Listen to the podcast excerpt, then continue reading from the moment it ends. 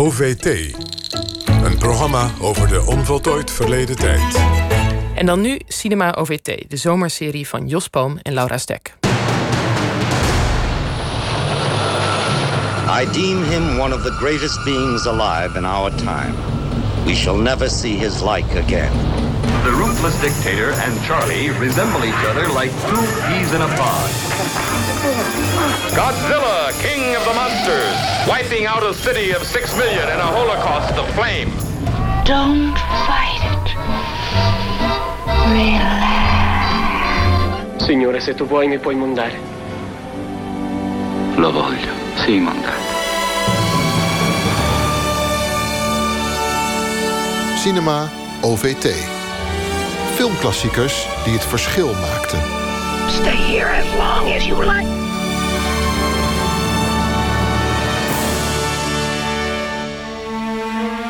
Deze keer een film van een marxistische Italiaan... die een opvallende keuze maakte. Zijn filmproject werd met argusogen bekeken... door zowel de conservatieve katholieken als de diehard marxisten. In 1964 durfde hij namelijk zijn handen te branden aan een Jezusverfilming... getiteld Het Evangelie volgens Matthäus. Ja, en wat heeft die film destijds teweeggebracht... en wat voegde hij eigenlijk toe aan het genre van de Jezusfilm? Daarover gaan we praten met drie gasten... publicist en Pasolini-kenner Stefan Sanders... historicus en Italië kennen Arthur Westijn... en onze vaste gids door alle films heen, Floortje Smit. Allemaal welkom natuurlijk. Laten we simpel zeggen, dit is nog niet een film, Stefan Sanders... waar je met een zak chips en een biertje bij gaat zitten, of wel? Nee, het is, ik vind het wel een hele mooie film. In de zin dat het een hele sobere film is. Uh, het is een heel rustige film. En je krijgt prachtige close-ups, beelden van de acteurs... die weer geen acteurs zijn. Daar komen we misschien zo ook nog wel op. Plattelands jongens en meisjes zijn het eigenlijk. Uh, het, het, is, een, het is een, niet een, een film waar je door gaat gillen of roepen. Of, of, maar het is een hele, ik vind het een hele mooie film. Heel sober. Arthur Westijn? Ja, zeker. Ik was ook eigenlijk wel verrast toen ik hem uh, kort geleden weer aan één stuk door kon, uh, kon bekijken. Op groot scherm notabene. En dat was ook heel fijn, want het is een film die je echt op een groot scherm moet zien. Vanwege die close-ups, ook vanwege het hele mooie uh, landschap dat steeds in beeld wordt gebracht. Het landschap van Zuid-Italië, waar Il Vangelo secondo Matteo is, is, is opgenomen. Het is eigenlijk een film die vooral uitblinkt in esthetiek. Veel meer dan denk ik in het, in het verhaal. Ja, Floortje, heb je ook genoten? Of is dat niet het woord? Visueel wel. Ja, zeker. Nee, nee maar het is inderdaad geen, uh, geen bier- en chipsfilm. Nee, het is, het is een vrij educatieve film, uh, als je het uh, zo mag zeggen. Maar ja, kijk, visueel tilt hij natuurlijk alles boven alles uit. We gaan even luisteren. Alfredo Bini presenta un film di Pierpaolo Pasolini. Il Vangelo secondo Matteo. Il film più premiato alla 25esima Mostra Internazionale d'Arte Cinematografica di Venezia. Sono io che ho bisogno di essere battezzato da te. E tu vieni da me. Maria Giovane. Giuseppe, suo sposo. L'angelo del Signore. Il demonio. Erode Ja, hier noemt hij alle karakters op uit de Bijbel en het gaat nog wel even door. Floortje, het verhaal is misschien niet helemaal onbekend... Uh, maar zou je toch even kunnen samenvatten wat Pasolini hier doet?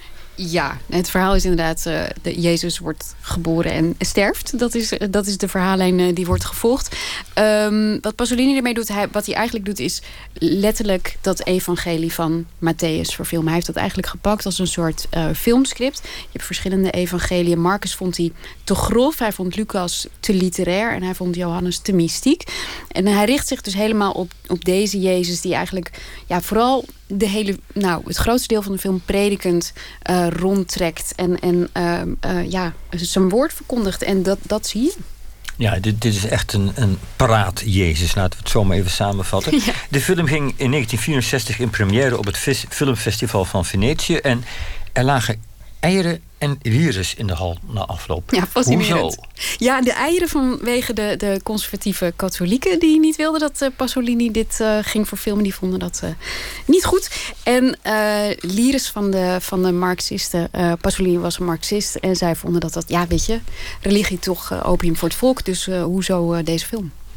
Om die boosheid beter te begrijpen van die twee kanten... moeten we ook iets meer weten over de regisseur. Pier Paolo Pasolini. Arthur, wie was deze man?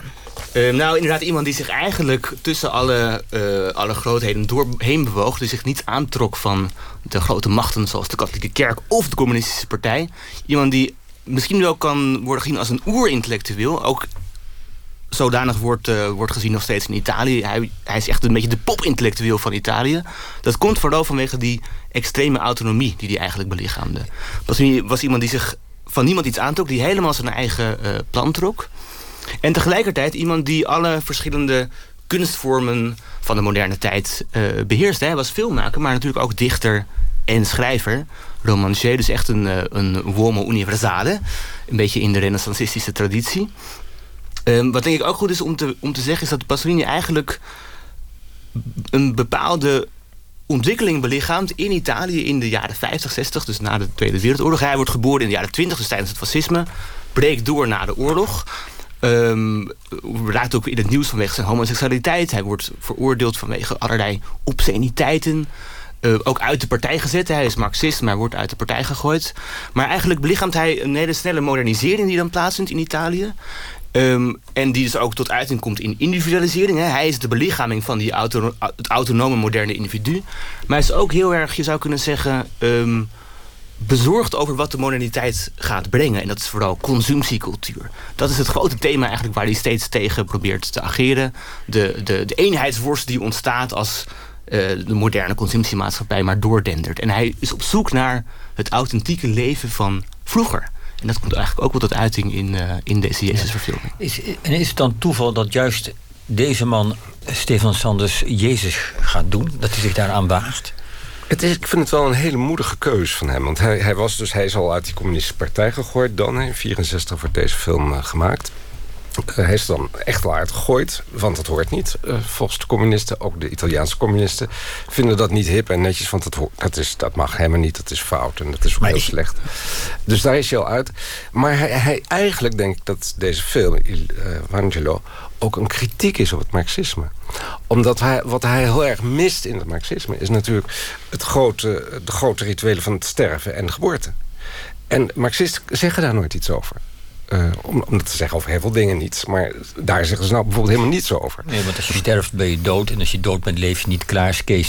Dat soort dingen zijn bij marxisten heel simpel. Ik denk dat, dat zijn verfilming van Matthäus... Uh, ook een kritiek echt is op, op die uh, hele klinische marxistische, orthodox-marxistische uh, visie. En tegelijkertijd, um, hij is dus homoseksueel. Ik vind het heel moeilijk om nou te zeggen, zie je dat aan die film?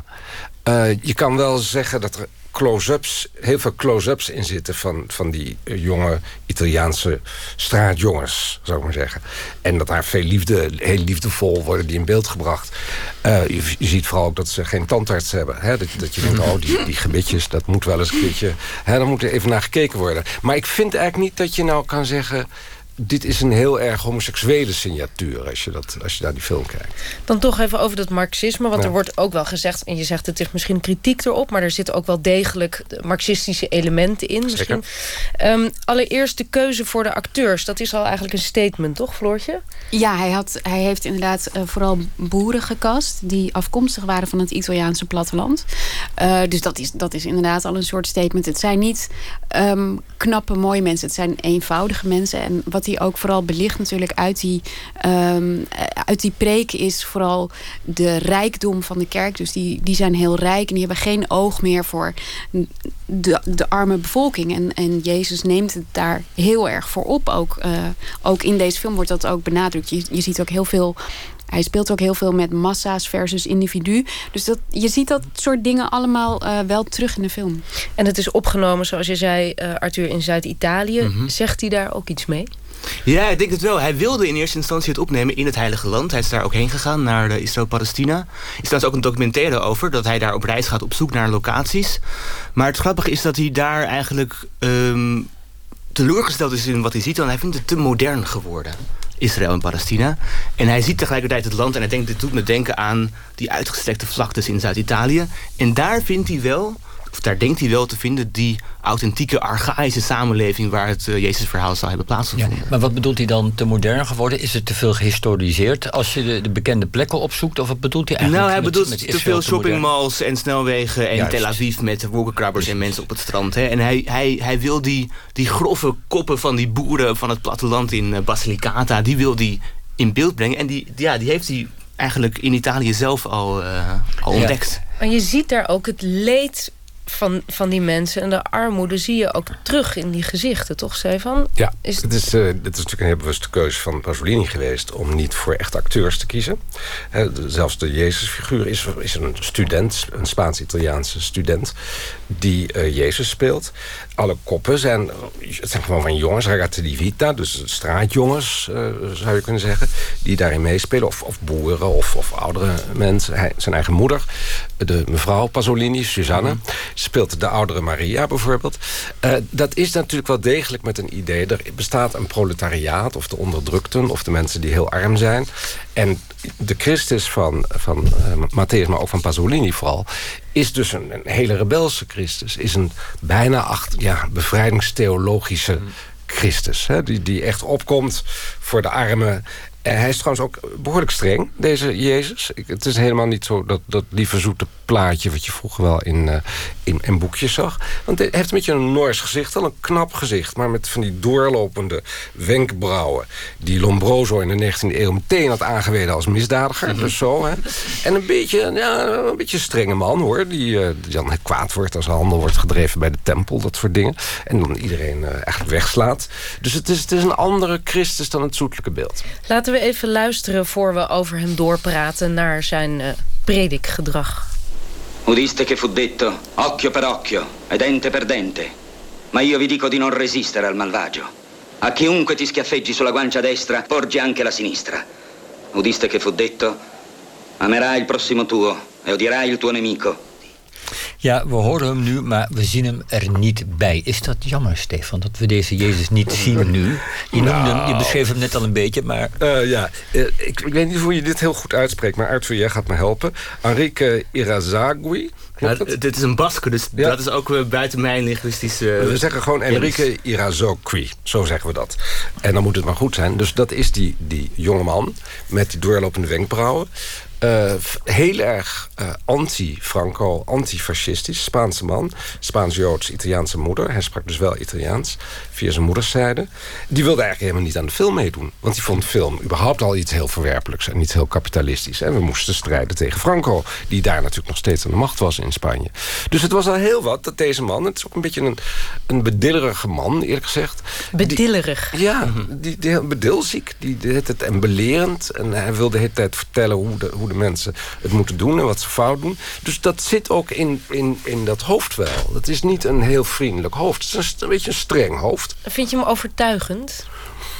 Ik denk voor de rol die uh, Pasolini Christus wil aannemen... ja, dit is, hij is natuurlijk heel erg gemodelleerd naar Pasolini's idee. Van de, de radicale rebel die uh, een beetje norsig, als het moet, door het land trekt... en de rijken op een falie geeft. Als ik die film zie en ik zie die Jezus... in de eerste tien minuten dan kan ik er nog mee leven... maar na twintig minuten begin ik toch echt een beetje genoeg te krijgen... van die man die zichzelf zo ontzettend graag hoort praten. Ja. Zoals, het lijkt wel bijna de revolutionaire het schoolboekje... die, die alle menselijkheid vreemd is.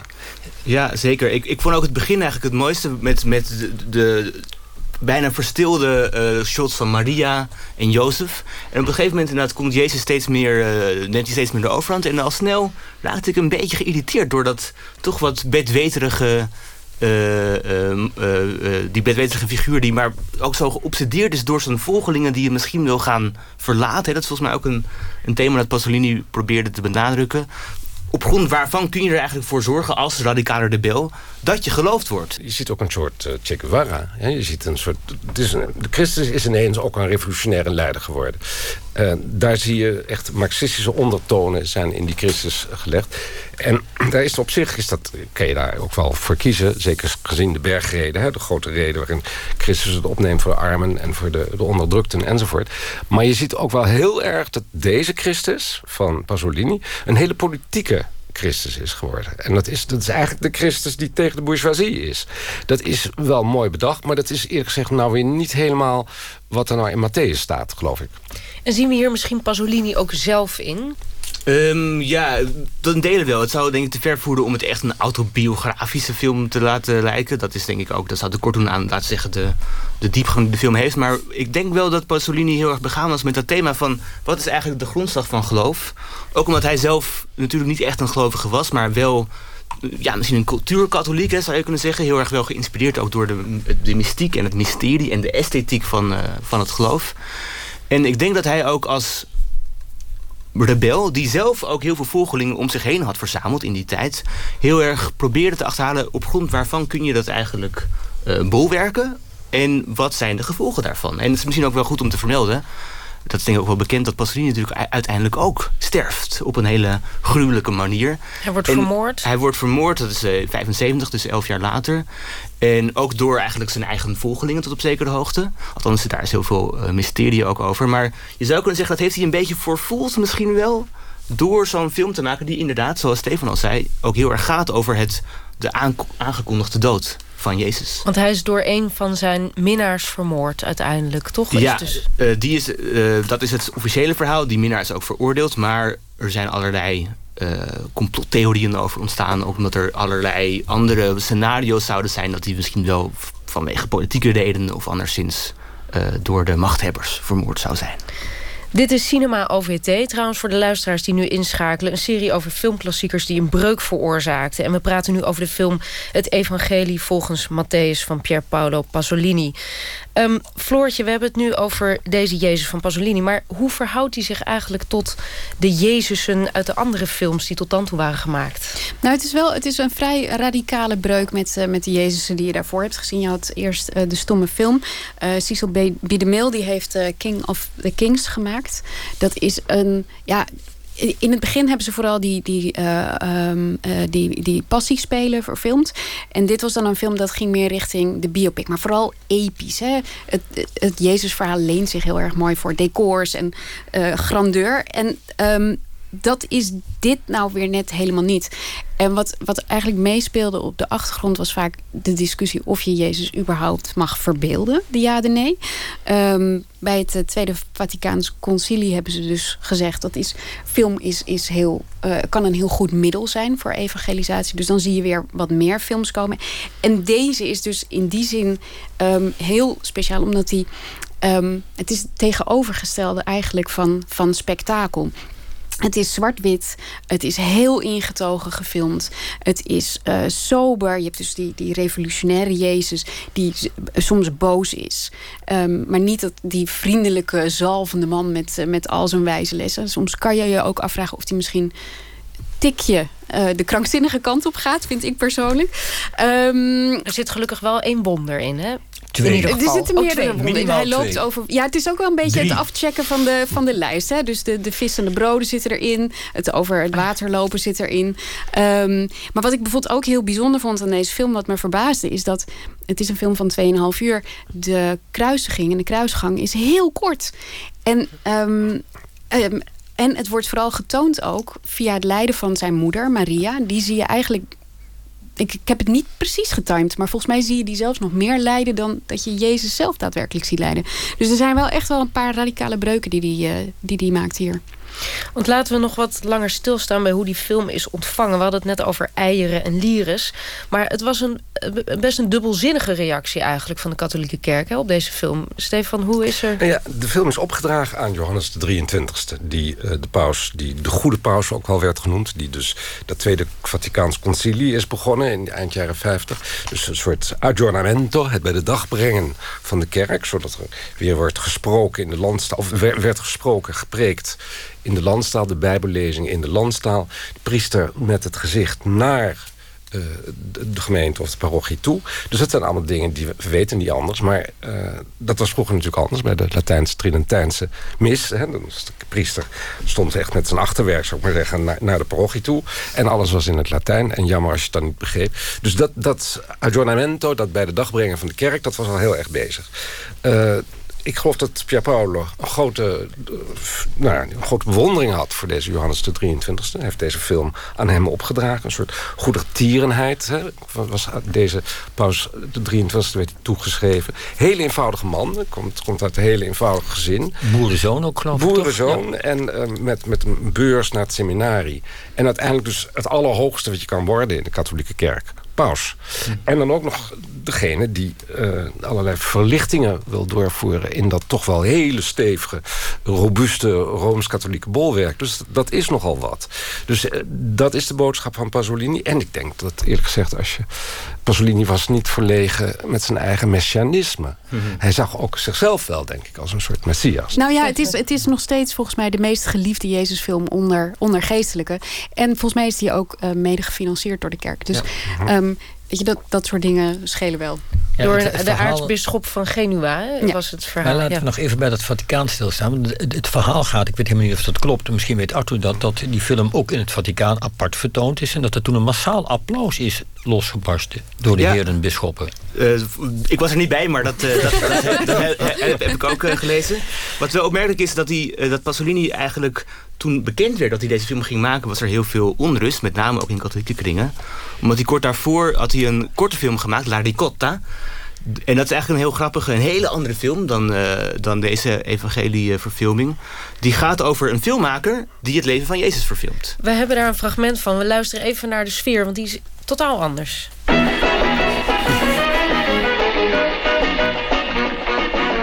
Ebbene, io voglio qui dichiarare che comunque si prenda la ricotta, la storia della passione che indirettamente la ricotta rievoca è per me la più grande che sia mai accaduta e i testi che la raccontano i più sublimi che siano mai stati scritti.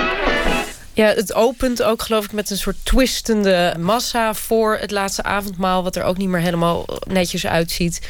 Wat gebeurt er in deze korte Ja, het, het, is een, het is een soort slapstickfilm eigenlijk. Een, een heel duidelijke satire op, uh, op, het, op het Christusverhaal. Het gaat eigenlijk over een van de gekruisigden die uh, dus de rol speelt van, uh, van, uh, van de, de, de dief. En in die film eigenlijk, in die korte film... op zoek gaat naar eten, want hij heeft honger... en zich dan vervolgens volpropt met ricotta van die Italiaanse kaas... en dan sterft aan het kruis omdat hij zich heeft overgeten. overgegeten. Ja, dit, en de kan filmregisseur echt trouwens... niet, hoor, dit. Dat kan echt niet. En de filmregisseur in, in die verfilming wordt gespeeld door Orson Welles. Dus ook wel een... Kane. Precies, ja, dus ook wel echt een grootheid uit de internationale cinema. Nou, die film um, was eigenlijk onderdeel van een grote film, die kwam uit. En Pasolini is toen veroordeeld wegens blasfemie. Wegens het, het uh, belachelijk maken van de staatsgodsdienst van Italië. Um, en toen werd bekend, na die veroordeling... dat hij het hele Christusverhaal, het, het evangelie van Matthäus... wilde gaan verfilmen. Dus er was heel veel onrust van waar gaat het toe leiden. Maar je zou kunnen zeggen dat hij het eigenlijk heeft goed gemaakt. Omdat die uh, Evangelis onder Matteo een, een, heel andere kant op gaat. Inderdaad, die verstilde esthetiek brengt. En eigenlijk ook helemaal misschien wel de, um, de officiële kerkelijke leer van het Tweede Vaticaanse Concilie predikt aan het moderne filmpubliek.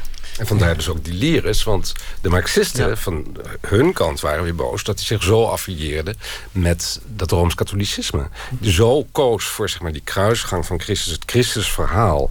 waarvan Pasolini dus echt vindt, ja, dat is een soort aanvulling op het marxisme. Want jullie, jullie begrijpen niets van rituelen. Jullie marxisten begrijpen niets van leven en dood. Jullie begrijpen de menselijke ziel. Je laat ja. een belangrijk stuk van de menselijke, ja. algemene menselijke behoeften en nood liggen... door vooral economistisch te zijn en over geld en huur en ja, dat zeker. soort dingen te denken. Maar laten we toch nog even bij die Jezus stilstaan uit die Pasolini-film. Want we, we, zeggen steeds, het is een beetje een veraardste Jezus. En toch is dat volgens mij niet het hele verhaal. Ik ben heel benieuwd, Stefan, wat jij ervan vindt. Ik heb het gevoel, er zit ook iets anders in deze Jezus... wat Pasolini ons wil laten zien. Nou, het is dat profetische. Het profetische is volgens mij altijd in zekere zin onmenselijk omdat het dus boven het menselijke uitstijgt. En hij is een ziener. Je kan, jij zei net, Floortje, soms zit er ook wel iets krankzinnigs in hem. Maar dat messianisme, dat, dat, dat, dat getuigende, dat zien van de dingen... en het moeten doen van de dingen... dat, dat, dat, uh, dat lijkt natuurlijk soms een beetje op, op lichte psychose. Ja, en als we dan nog even stilstaan bij, bij de maker, Pasolini... Die, ja. die heeft in een interview iets gezegd in de zin van... voor ik deze film kon maken, moest ik eerst ernstig gewetensonderzoek doen over mijn eigen eigen geloof en achtergrond... voor ik überhaupt een antwoord kon vinden op hoe ga ik met die Jezusrol om. En daarin zegt hij ook iets van... ik kon toch uiteindelijk niet om die goddelijkheid van Jezus heen. Hoe, hoe, hoe zit dat precies? Ja, um, ik denk dat het... Uh, inderdaad, hè, uh, Basini was geen gelovige... maar was heel erg, denk ik, geïnteresseerd in het fenomeen geloof vanuit een intellectueel, maar ook wel vanuit een, uh, een artistiek aspect. En natuurlijk, dat fenomeen kun je het beste laten zien aan de hand van zo'n guru zoals Jezus, die, uh, die uiteindelijk een, nou ja, natuurlijk meer volgelingen heeft verkregen dan wie dan ook. En um, ik denk dat dat ook hetgene is wat die film interessant maakt. Juist omdat Basini als niet-gelovige op zoek gaat naar de wortels van het geloof. En ook met camerawerk bijvoorbeeld probeert te laten zien hoe het is om als discipel of als apostel of als, als volgeling van Jezus te kijken naar wat er, uh, wat er gebeurt. Dus eigenlijk heeft hij zichzelf ook wel niet alleen maar de rol aangemeten van de, van de Messias, maar ook van degene die op zoek gaat naar een Messias. Hoe zien we dat terug eh, filmtechnisch, Floortje? Nou, je ziet inderdaad dat hij met de camera heel vaak gewoon tussen de apostelen gaat staan. En op het moment dat uh, Jezus gaat prediken, krijg je die close-ups. Dat je zijn gezicht ziet. Dat hij bijna als een mitrailleur um, uh, die, die wijsheden op je afvuurt. Dus je komt heel erg, uh, je wordt heel erg onderdeel van die groep apostelen. Hij, hij draait het ook, dat heet cinema verité. Dus um, met een bewegelijke camera dat hij, dat hij ertussen staat. Um, en wat je bijvoorbeeld ook ziet, dat vond ik zelf heel erg interessant. Op het moment dat hij opgepakt wordt, Jezus, en de apostelen dus eigenlijk van een, een veel verdere afstand toekijken, wordt die hele Jezusfiguur steeds kleiner. Dus je ziet hem steeds vaker in de verte. Dus je ziet, uh, gevisualiseerd, hoe die apostelen letterlijk op dat moment afstand uh, moeten nemen, ook voor hun eigen veiligheid. Maar um, dus op die manier plaatst hij je, hij maakt je eigenlijk onderdeel van die groep van volgelingen. En vergeet ook niet dat, hoe je dan ook over het christendom wil denken... het is de enige van de grote monetische godsdiensten met een godmens. God is mens geworden. Nou ja, dat is de kern van dit Matthäus-verhaal uh, natuurlijk. En dat moet uh, Pierpaolo uh, Pasolini heel erg hebben aangesproken. Want in het goddelijk van de mens, Christus... kunnen wij mensen ook de Christus en dus God aanraken. Omdat het een, hij is mens geworden. Hij is geïncarneerd, zoals dat zo mooi heet. Het is vlees geworden. Nog even over de rol van de muziek, want die is ook heel belangrijk. Prachtige muziek zit erin. Laten we even luisteren wat er allemaal voorbij komt. Sometimes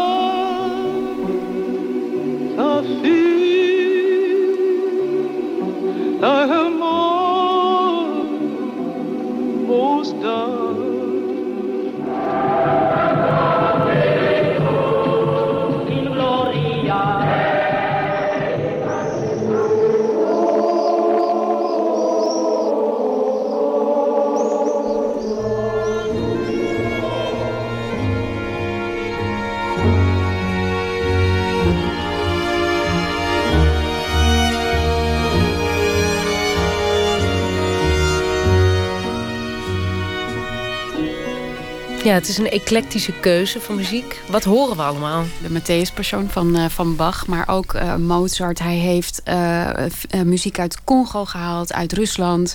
Um, er zit een soort, volgens mij is het een soort Afrikaanse slavenmuziek bij.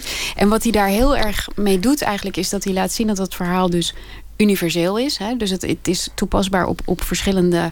Um, of tenminste verschillende culturen geloven in dit verhaal. Plus alle muziek uh, is afkomstig vanuit verschillende culturen en religies. Dus hij, hij trekt het daarmee wel breder. Maar het past wel. Ik vind het zo grappig dat het, het klopt ook gewoon allemaal. Want als je de Matthäus-persoon hoort, denk je... ja, dit is inderdaad uh, nu goed gekozen. Maar ook um, juist als hij een soort contrast legt... tussen de muziek en, en de beelden die je ziet... ja, het, het werkt gewoon heel goed. Laten we nog even stilstaan bij het genre Jezusfilm. Want daar is ook al ongelooflijk veel over te zeggen. Um, Eerst hadden we dus die Jezus van Cecil B. DeMille. Dat was een beetje een vaderlijke Jezus. Daarna was er eigenlijk heel lang niks. Dan deze Radicalo. Maar daarna volgde er nog een hele reeks. Laten we even luisteren naar een korte compilatie. The greatest story ever told is a magnificent picture. Could be the most majestic production the screen will ever have. Mother! Why have you forsaken me? What is your name? That's a good name.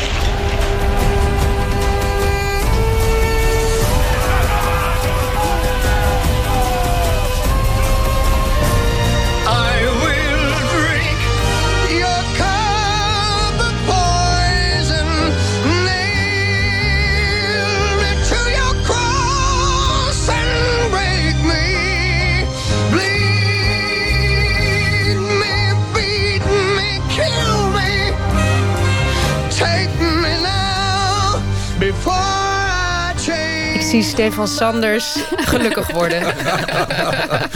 ja, dit is echt een jeugdherinnering. Ik ben denk ik 13. Ik Want zit dit in is? De, dit is Jesus Christ Superstar. Ik, ben 13. Ik zit in de bioscoop eh, te Oldenzaal, Twente. en eh, ik zie dat dan. En ik word helemaal verliefd op de Judas. Op de zwarte, eh, de zwarte Judas. een Oh ja, ik was verliefd op Jezus. Nee, ik op dat- dat was voor mij heel duidelijk. Judas moet het worden. Op wie was Ja. jij verliefd, Arthur? Op Brian natuurlijk. The Life of Brian. Ja, want zat er iets voor jullie tussen hier? Ik, ik weet niet of, de Life of Brian ertussen zat, maar dat was de eerste Jezusfilm die ik zag. En ehm, omdat, hè, Life of Brian is natuurlijk de persiflage op alle Jezusfilms door de Mon- Monty Python. En omdat ik die als eerste zag, kan ik eigenlijk alle andere Jezusfilms alleen nog maar zien door de bril van The Life of Brian. Dusdanig dat toen ik, toen ik Il Vangelo eh, van Pasolini zag, dat ik ook steeds bepaalde flarden uit The Life of Brian langs hoorde komen. Zoals bij de bergreden Blessed are the cheesemakers. en ja, dat zit er zo in dat ik eigenlijk niet meer met een neutrale blik naar Jezus films kan kijken. Ik vind toch dat Stefan Sanders niet zomaar weg kan komen, ook al was hij 13. Maar dan toch kiezen voor Judas, dan heb je misschien iets uit die film niet begrepen. Wat was er met je aan de hand, eh, Stefan? Nou, ik denk dat ik het juist al vroeg heel erg begreep. hè. Dat is natuurlijk, eh, als ik het even aan Pier Paolo Pasolini mag koppelen. Eh, we hebben al gehoord net dat hij wordt vermoord door een van die eh ragazzi di vita, dus Pelosi heet die man. Hè. Dat is een, een minnaar was het, eh, maar ook wel een beetje een, een hoerenjongen eigenlijk. Ehm, en ik kan me herinneren, we hebben toen een boekje gemaakt in de jaren tachtig. Ik was toen nog heel jong. eh, tegenlicht op Pasolini. En dan voel je ook een beetje eh, hoe de sfeer was. Het was natuurlijk een beetje radicaal. Je zou nu zeggen queer theory. Dat heette toen nog niet zo. Maar wij noemden dat dan homopolitieke teksten. Dat was een boekje over Pasolini. En eh Guy was een heel belangrijke Frans filosoof in die tijd. Die schreef een stuk naar aanleiding van de dood van Pasolini. En die schrijft... Niet iedereen is het gegeven in bed te sterven, zoals Franco.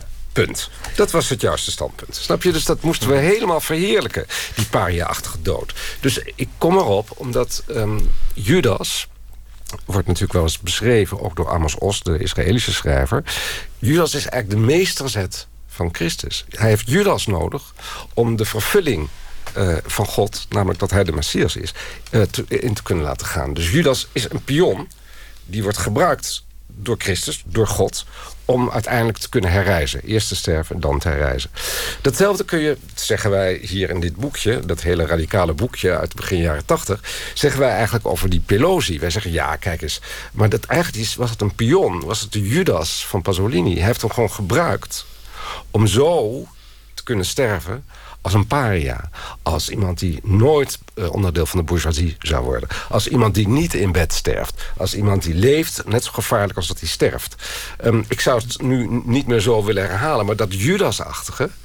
Dat, dat zit er dus ook bij Pasolini heel erg in. Het, het zwart heb je nodig om het witte nog witter te laten schijnen. Blijkt dan toch nog steeds dat ik wel voor een ventje van 13 een hele, eh, eh, laten we zeggen, sterke dramatische keuze om dat allemaal al te zien. Het was gewoon een van de eerste zwarte mensen die ik zag. Dus ik dacht, oh, wauw, ja, dat is een zwarte man, een bruine man, wat leuk. Zou ik daar iets mee te maken hebben? Dat, dat was echt het idee, ja. Maar daar in die film zit Judas ook heel prominent. Eigenlijk de hoofdrol bijna. Ja, ja.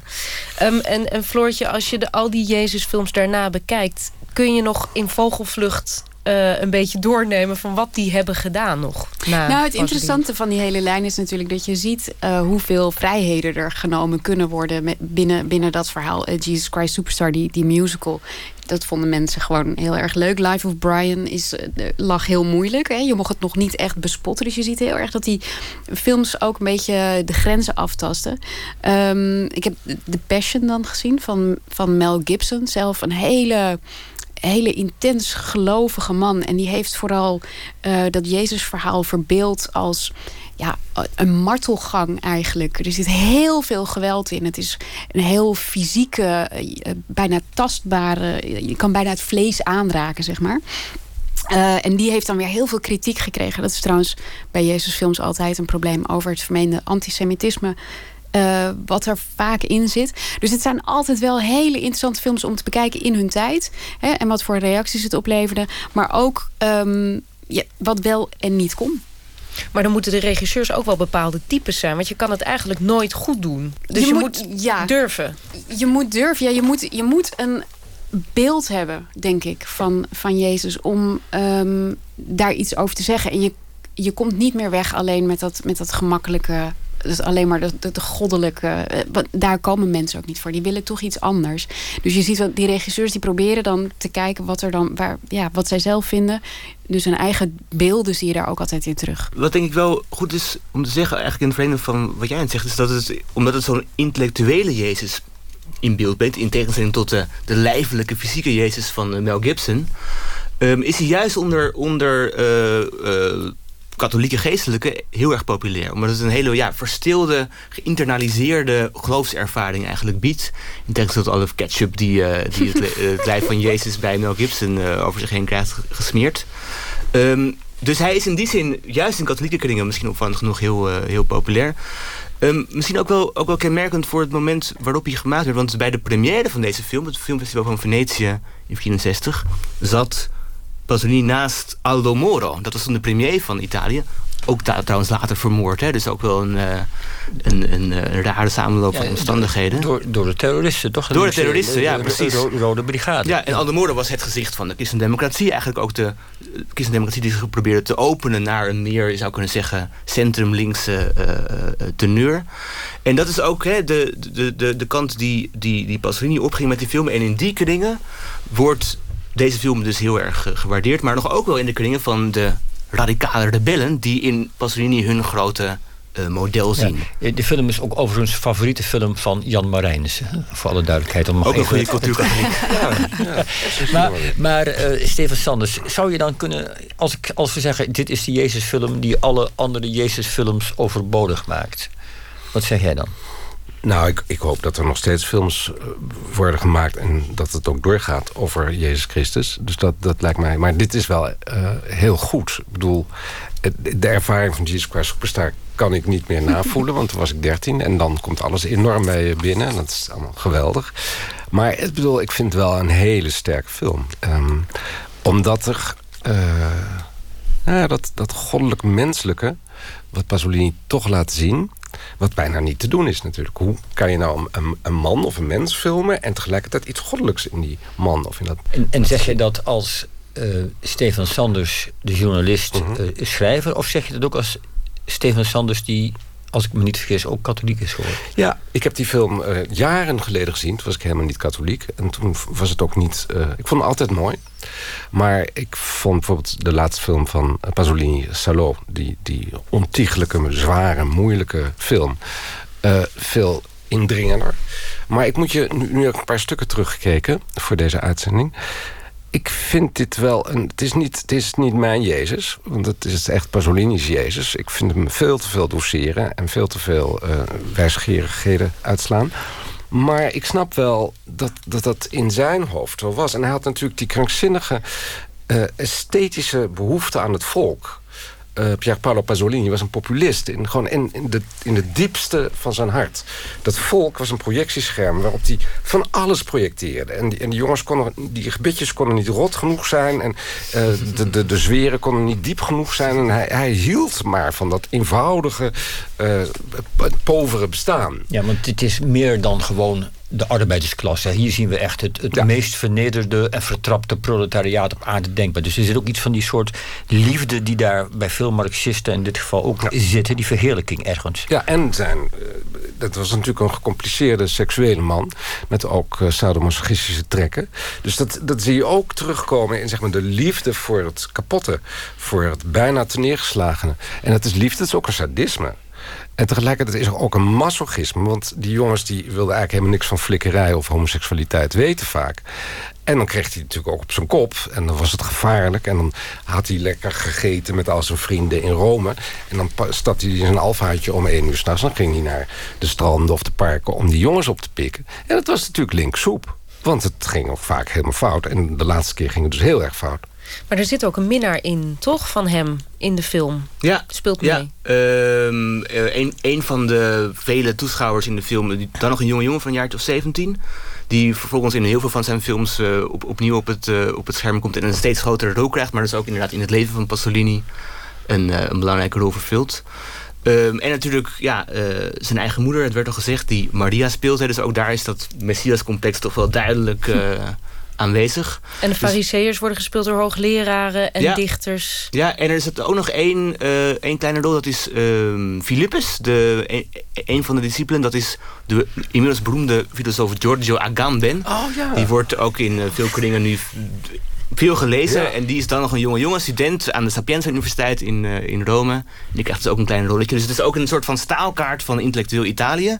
Geprojecteerd op het eh Jezusverhaal anno eh 33 na Christus. Tot slot, heel kort, als jullie nog een kijktip mee moeten geven... misschien heb je hem net al gegeven hoor... maar hebben jullie nog iets toe te voegen van hoe, waar moeten mensen op letten... als ze deze film Ja, weer van gaan die kijken? Giorgio Agamben had ik er inderdaad niet uitgehaald. En dat is toch een bekende filosoof. Dus ik ga het nog eventjes wel weer opzoeken. nou Het zijn een zit. paar kleine fragmenten, Ja, maar eh, toch. Nee, vind ik goed leuk. kijken. Floortje? Ik vind eh, de openingsscène vind ik prachtig. Ehm, Maria en Jozef spreken niet, in de hele film niet. Ehm, wat je ziet is Maria met een zwangere buik. Je ziet de blik van Jozef, je ziet de blik van Maria, je ziet de blik van Jozef. En het vertelt eigenlijk het hele verhaal van ehm, het onbegrip van een man die niet begrijpt dat zijn vrouw zwanger is. Terwijl die, nou ja, dat, de heilige maagd.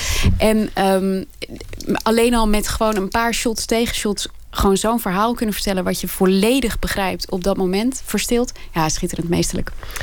Nou, hartelijk dank eh Stefan Sanders, Arthur Westijn en Floortje Smit... die we net als laatste hoorden. Dit was Cinema OVT over het evangelie volgens Matthäus. En nog even een luistertip. De radiodocumentaire uit 2015 over Jesus Christ Superstar van OVT... staat online en gaat over de rockmusical uit de jaren 70... maar ook over het genre de Jezusfilm. En wat doen we volgende week, Floortje? Iets heel anders, Godzilla. De monsterfilm. Jezusfilm, monstersfilms. We doen het allemaal. Dit is Sometimes I Feel Like a Motherless Child, gezongen door Odetta. Sometimes I feel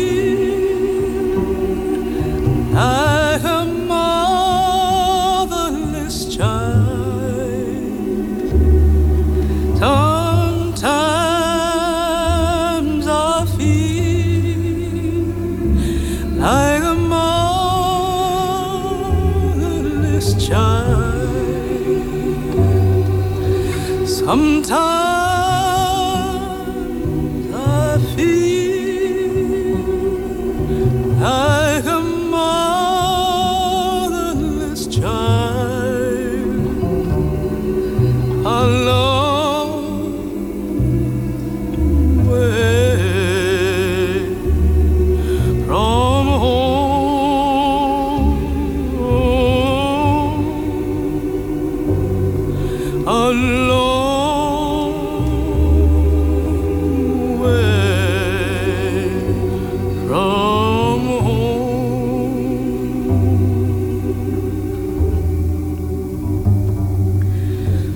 Sometimes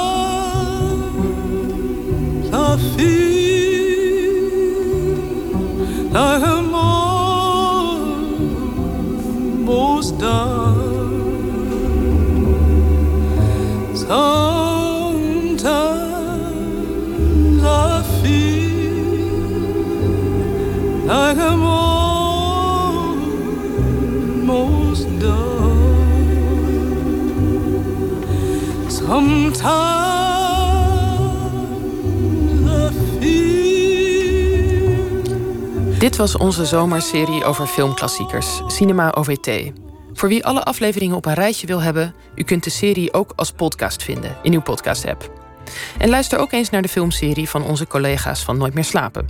Zij maken afleveringen over filmklassiekers rond de thema's waterpret, Italiaanse nachten en de ongemakken van kamperen.